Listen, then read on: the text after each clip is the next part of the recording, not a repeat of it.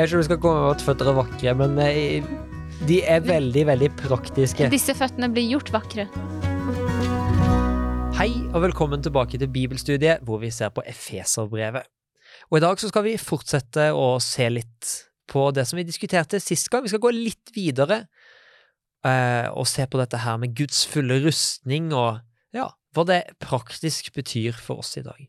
Men før vi hopper inn i teksten, så tar vi og ber litt sammen.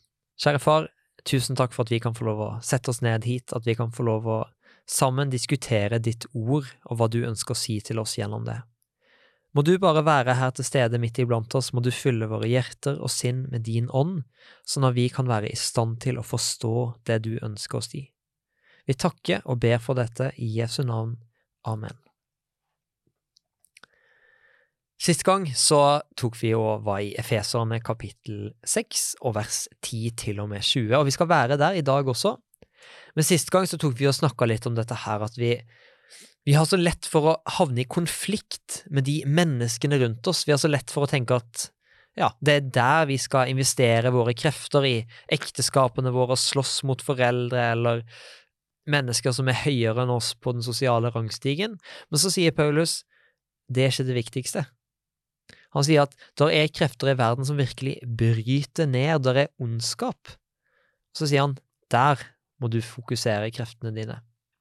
Og en av de tingene som han da gikk inn på, var nettopp å snakke om denne her rustningen, det som eh, man skulle ta på seg i striden. Og jeg lurer på om du, Camilla, kunne tenke å lese, det, lese gjennom de versene for oss, fra vers 10 til og med 20 i Efeserne kapittel 6. Til slutt, bli sterke i Herren i hans veldige kraft. Ta på Guds fulle rustning, så dere kan stå dere imot djevelens listige knep, for vår kamp er ikke mot kjøtt og blod, men mot makter og åndskrefter, mot verdens herskere i dette mørket, mot ondskapens ånde her i himmelrommet.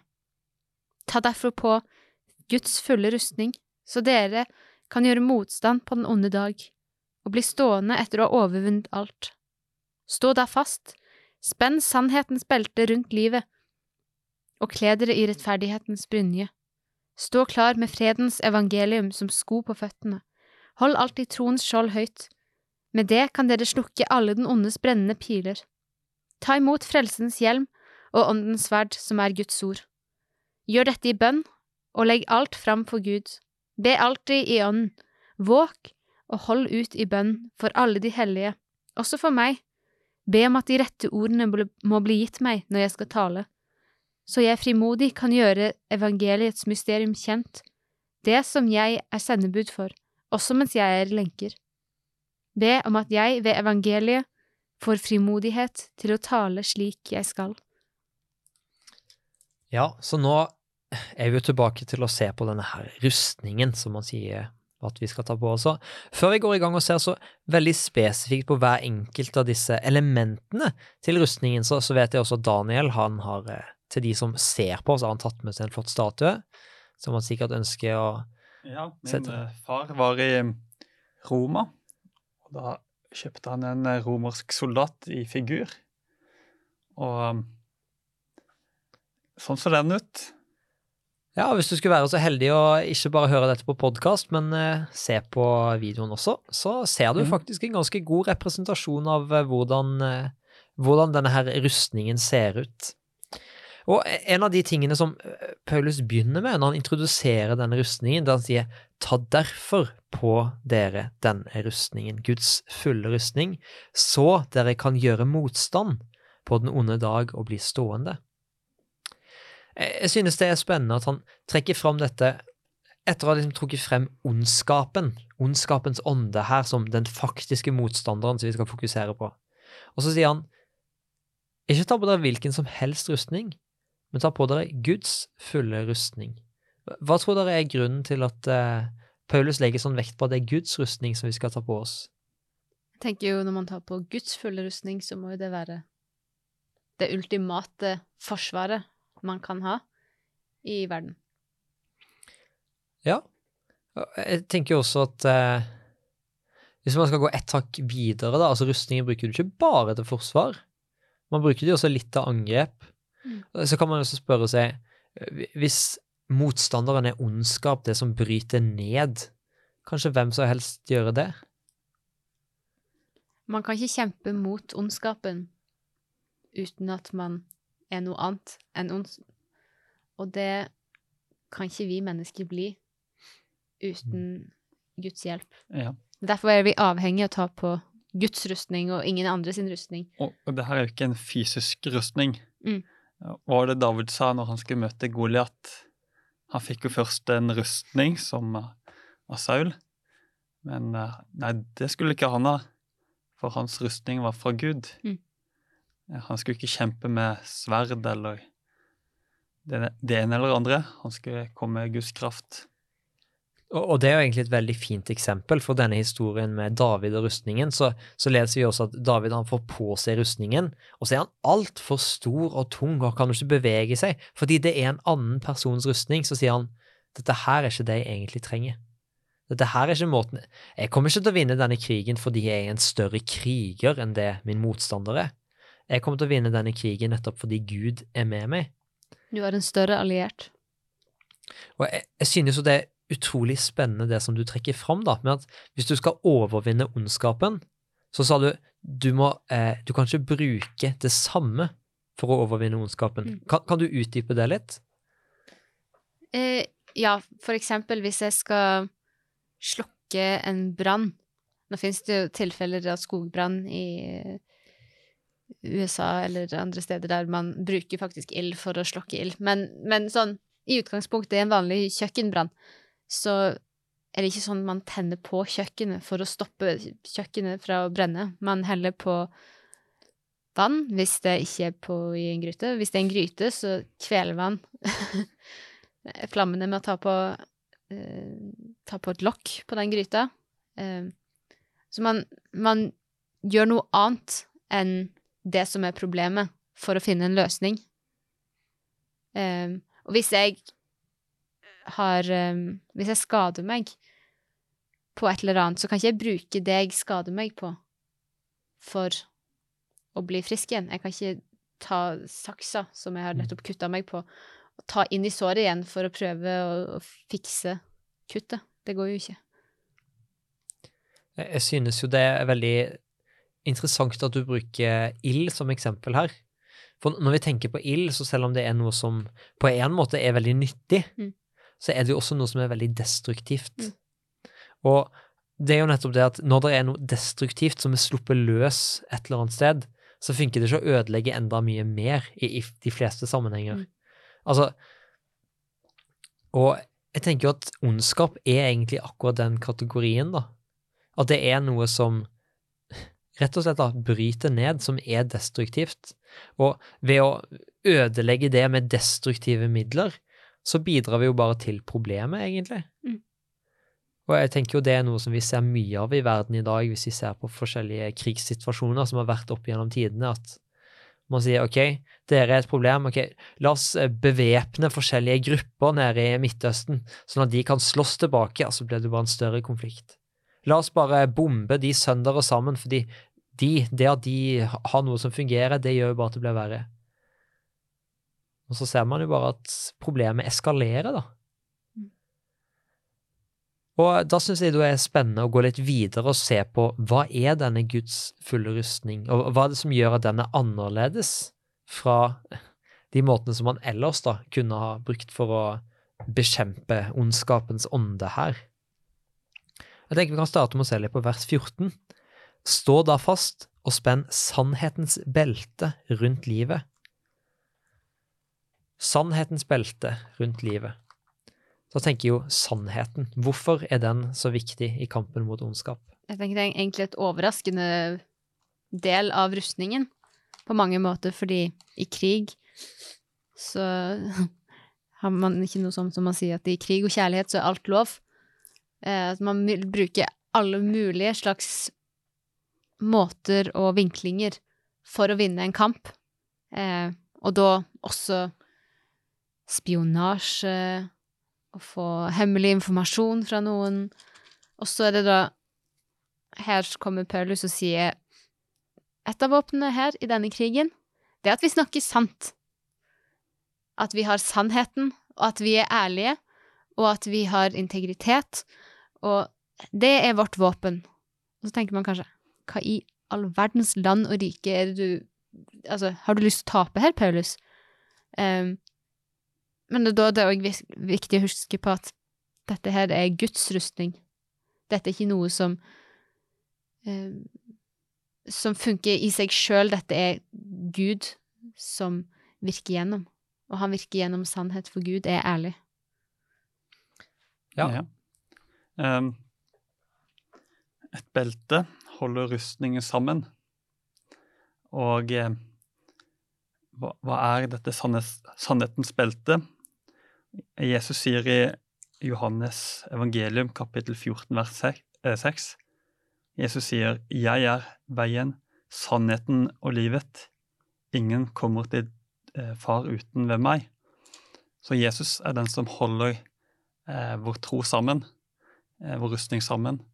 Det er han det som skapte himmel og jord i begynnelsen. Og det er han som det er snakk om i, som ledet israelittene ut til Kanan gjennom ørkenen. Det er han det er eh, profetert om gjennom, eh, gjennom profetiene, det er lammet. Det er han det er, som jeg snakker om i evangeliene, og det er han som skal komme tilbake og gjenskape. Mm. Så det er Jesus som binder troen sammen på samme måte som et belte. Og Da kommer vi òg tilbake til det Anna Kefal Det greske ordet Anna Kefalestai? Yes. Eh, som, som, vi var inne på for noen episoder siden. Det med at Jesus er den som holder alt sammen.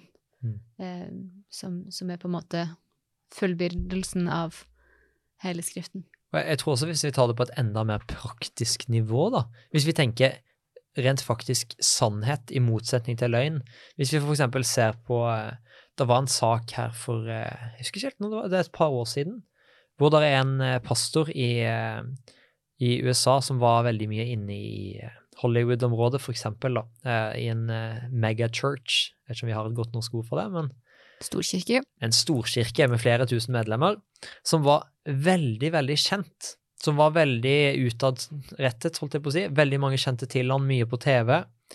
Og så viste det seg at han hadde vært utro og mye av den eh, debatten som gikk etterpå, da, det var på hvor mange mennesker som da forlot kirka. Mm. Eh, og som en konsekvens altså ikke bare forlot kirka, men forlot troen mm. av at det kom frem at han hadde vært eh, usann, da, hvis man kan si det sånn. Og jeg tror det viser noe av viktigheten av sannferdighet og integritet i det man går fremover. Mm. For alt det man prøver å bygge opp, det øyeblikket det viser seg at det er bygd på en løgn, så, så, faller de jo sammen. Og derfor så tenker jeg at veldig mange ganger så ja, sier Bibelen dette er sannferdige ord, det er sant. Mm. Um, sier at Den hellige ånd er et pant. Her har du trygghet, det er sant. Jesus har stått opp igjen. Det er pantet på at det faktisk er et evig liv. Mm. Så det å på en måte vise en slags åpenhet, troverdighet og sannhet er jo utrolig viktig da for å bygge noe som varer. Men det er jo vanskelig, da, eh, å skulle være sannferdig, eller skulle være ærlig, istedenfor å glatte over hvis det er ting som kanskje ikke ser så bra ut på Verken på papiret eller uh, i realiteten. Hva tenker dere om den utfordringen? Jeg tenker jo at uh, det er noe med at vi er ikke perfekte mennesker. Så vil si, vi kommer til å ha feil. Mm.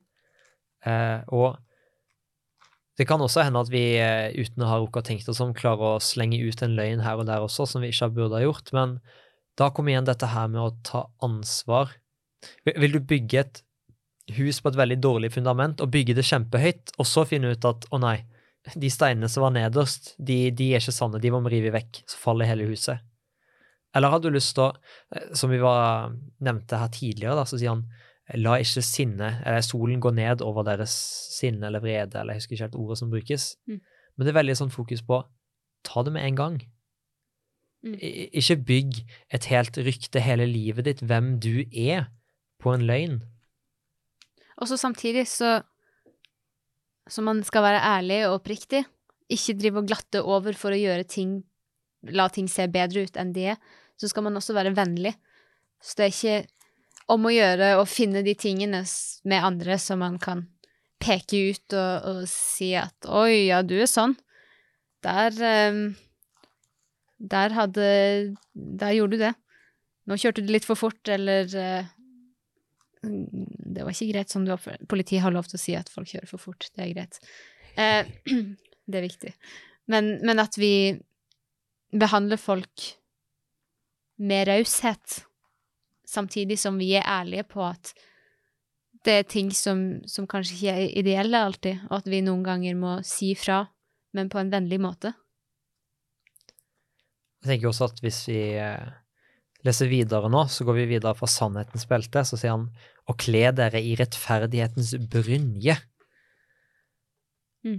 Nå er Daniel veldig velvillig og tar og peker på oss hvor brynjen er. Og hvis eh, jeg har forstått eh, terminologien riktig, så er vel en brynje det er gjerne hvis man ser en krigsfilm fra gode gamle middelalderen, så er det den her, disse metallringene som er fletta sammen til en slags vest da, som du kan ta på deg, som beskytter mot sverd og piler og De er veldig tunge. Det er de også. Jeg prøvde å løfte noen sånn når jeg har vært på et vikingmuseum, og det, det er så vidt jeg klarer å løfte det. Og når vi da har dette her, den tunge tingen, men som også beskytter, Mm. og så kaller man det for rettferdighetens brynje. Ja. Har du noen tanker om det, Daniel? ja. Um, Jesus blir jo kalt vår rettferdighet. Og um, Ja. Uh, vi, vi ser flere steder i Gamle testamentet at uh, det skal komme en eh, en frelser, og hans navn skal være vår rettferdighet. Så Jesus er også denne brynjen, og det er som en sikkerhet for oss. For når vi får disse pilene mot oss, av og til så går det gjennom vårt skjold, troens skjold, eh, så har vi likevel en sikkerhet. Og i eh, 1. Johannes brev, kapittel 2, så står det, vers 1, Mine barn, dette skriver jeg til dere for at dere ikke skal synde. Men om noen synder, har vi en talsmann hos Far, Jesus Kristus, den rettferdige. Så det er en sikkerhet eh, for oss troende. Jeg synes det er veldig eh, interessant at du trekker fram eh, det som kommer litt senere, da, dette med troens skjold. Han sier 'hold troens skjold høyt'. Vår tro, den skal holde oss sterke. Og så trekker du frem at men det er jo ikke alltid det holder. Og da har man denne rettferdighetens brynje som, som er en ekstra sikkerhet da, når pilene går igjennom. Og eh, jeg, jeg tenker jo litt praktisk, da, at eh, Jeg vet ikke om dere noen gang har eh, vært borti en diskusjon hvor man bruker dette ordet her, urettferdig. Hvis du er på barne- eller ungdomsskolen som lærer, så får du ofte høre det ordet, urettferdig. Mm. Og den der følelsen av å bli urettferdig behandla på et vis, at Hva skal man si? At man føler at mennesker ser faktisk ikke hva som har skjedd her, og så får du en straff eller en konsekvens som du ikke har fortjent, eller kanskje du får mindre betalt enn du skulle hatt. Det er urettferdig.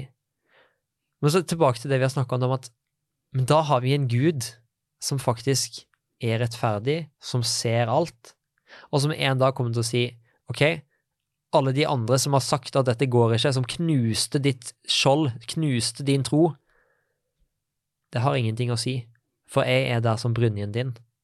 Jeg er der og beskytter deg når selv troen din svikter. Jeg vet hva som faktisk foregår her. Og der ser jeg en Jeg syns det er en veldig trygghet, da. Så kan vi jo se videre på vers 15. Og der står det noe veldig spennende. Stå klar med fredens evangelium som sko på føttene. Daniel, kan du hjelpe oss? Hvor finner vi sko? Ja, i eh, Jesaja kapittel 52, vers 7, så står det om noen sko. Og der står det Hvor vakre er, eh, er de er der de løper over fjellene, føttene til dem som bringer bud, forkynner fred, bringer godt budskap, forkynner frelse. Ja. Mm. Så når vi har fått tatt imot evangeliet, så får vi også kraft til å spre det. Ja, jeg syns det er fint at eh, evangeliet er føttene. Mm. Det, det, det er en veldig rar plass å plassere evangeliet, som vi setter så høyt og tenker liksom dette er de gode nyhetene.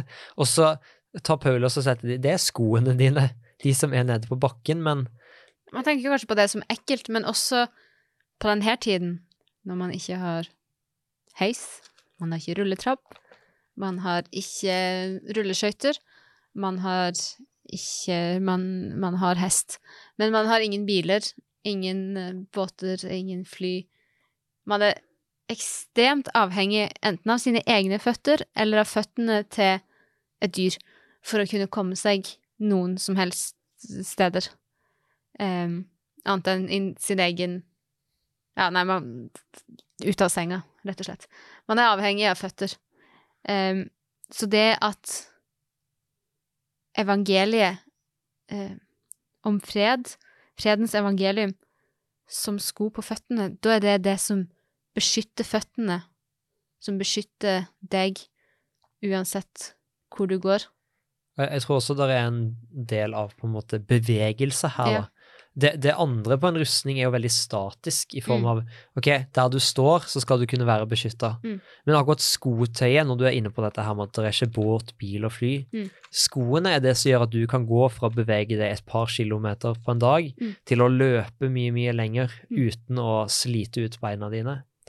Og jeg, jeg synes bare hvis du ser på eh, hvor stort Altså hvor stort det kristne fellesskapet er i dag, sammenlignet med på Jesu tid, hvor det skjer et bitte, bitte lite område i verden, så tyder jo det nettopp på at det er veldig mange som har tatt på seg disse evangeliets sko. At man da har kunnet løpe rundt med det, bevege seg, og så sprer det seg. Og det går jo kanskje tilbake til det som vi også har snakket om før, med at det, det flyter alltid over, da. Vakre føtter. Ja, det Ja. Står det. Ja, det Men de er vakre. Føtter Det er kanskje ikke den kroppsdelen man tenker på først og fremst som vakre, men ja, det er jo litt artig, da. At uh... Denne debatten velger jo ikke å gå noe dypere inn i Jeg vet ikke om du skal komme med at føtter er vakre, men eh, de er veldig, veldig praktiske. disse føttene blir gjort vakre. Og det som er viktig her, da, med tanke på at det er vakre føtter, da, sånn rent praktisk Som sagt, dette her er en tid hvor beina brukes flittig. Mm. De er eklere enn beina har vært noen gang i verdenshistorien, vil jeg si.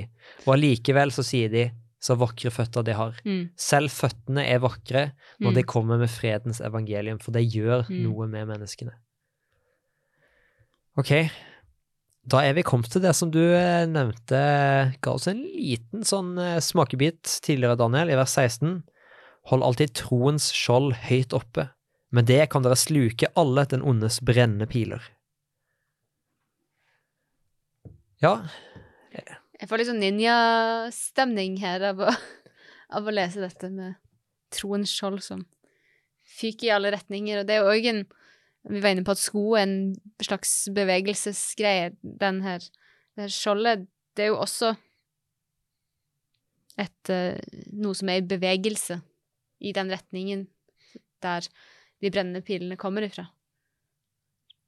Ja, jeg syns bevegelse er et godt ord. Og, og det er jo noe med nettopp troen vår, da. at Det er noe som Vi kan ta veldig mange valg for å Mm. bestemme hvordan vår tro skal være. Mm. Avhengig av hva vi bruker vår tid på, hva vi fyller oss selv med, hvor mye tid vi bruker i bønn og på å bygge vår relasjon til Jesus, Mm. så påvirker det hvor bra plassert dette skjoldet måtte være, Mm. og hvor godt egnet det er til å sluke piler. Det er veldig mange forskjellige ting troen vår omfatter, eh, som påvirker ulike ting i livet. Jeg tenker jo at etter hvert som tiden går nå, så må vi kanskje tenke på å runde av litt, men det er én ting som jeg har lyst til å snakke med dere om. Eh, For Paulus han sier fra vers 18 og 19.: Gjør dette i bønn og legg alt framfor Gud, be alltid i ånden, våk og hold ut i bønn for alle de hellige. Og så sier han også for meg. Be om at de rette ordene må bli gitt meg når jeg skal tale, så jeg frimodig kan gjøre evangeliets mysterium kjent. Jeg synes dette her eh, Den her krigsanalogien, dette bildet som Paulus bruker, synes jeg er litt spennende å da tenke på hvordan fungerte krig på den tiden? Og når vi ser på hva som gjorde at Romerriket var så suksessfullt i krig på denne tiden, så var det nettopp at de hadde en sånn tanke om samarbeid. Det, når vi ser på de stammefolket og andre folkeslag som de da av og til måtte krige mot, så er den store forskjellen på disse to hærene når de møtes, det er at barbarene, som romerne pleide å kalle de, de kom løpende inn og bare storma på uten noen som helst form for organisering eller hjelp, og bare hamra løs der de kunne, og ble egentlig ganske lett match for denne hæren som var veltrent, organisert, og som visste at der skal mitt skjold være, og der skal mitt spyd være. For ved siden av meg så har jeg mennesker som jeg stoler på, som kommer til å beskytte meg der, så jeg fokuserer bare på mitt.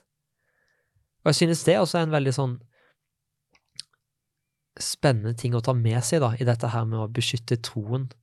Dette her eh, Fellesskap. Være et fellesskap. mm. hva, hva tenker dere er, som et sånn avslutningsspørsmål, hva er fordelene ved å være i et fellesskap i troen, sammenlignet med å være alene? Fordelen med et fellesskap er jo at når jeg sliter, så er det ikke sikkert at du sliter like mye. Eh, og da kan du hjelpe meg med å, å komme på et bedre sted. Eh, eller hvis du sliter, så kan jeg hjelpe deg og løfte deg opp. Eh, jeg kan vise medfølelse.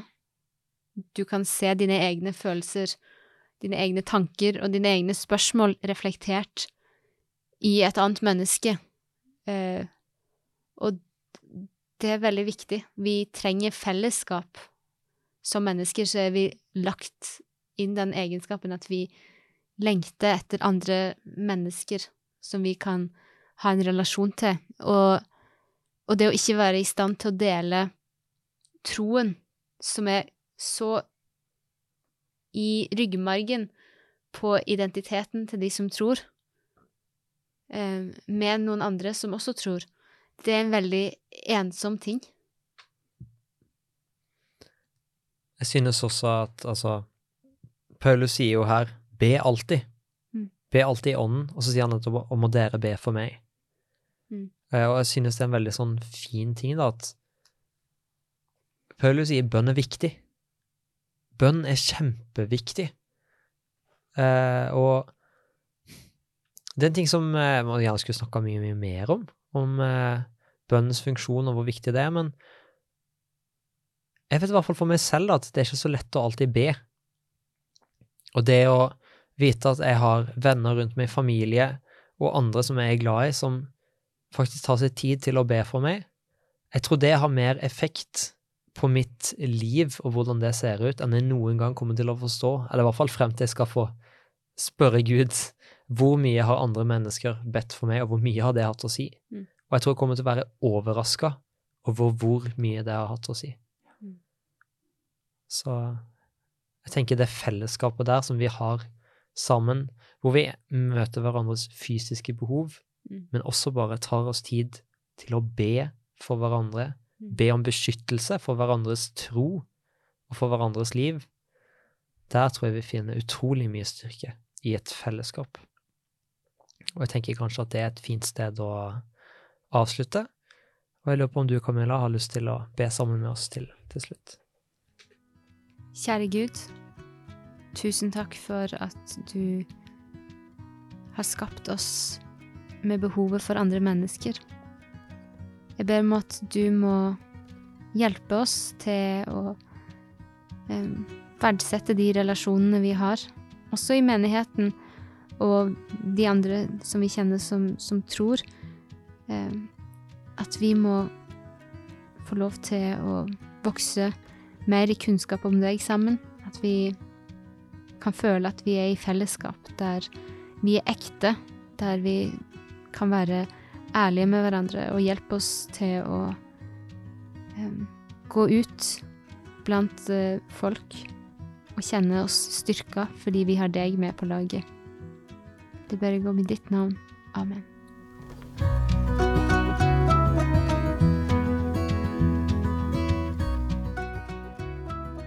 Du har nå hørt podkasten Bibelstudier fra Syvendedagsadventistkirken, produsert av Hope Channel Norge. Husk å følge podkasten, og inntil videre Guds velsignelse.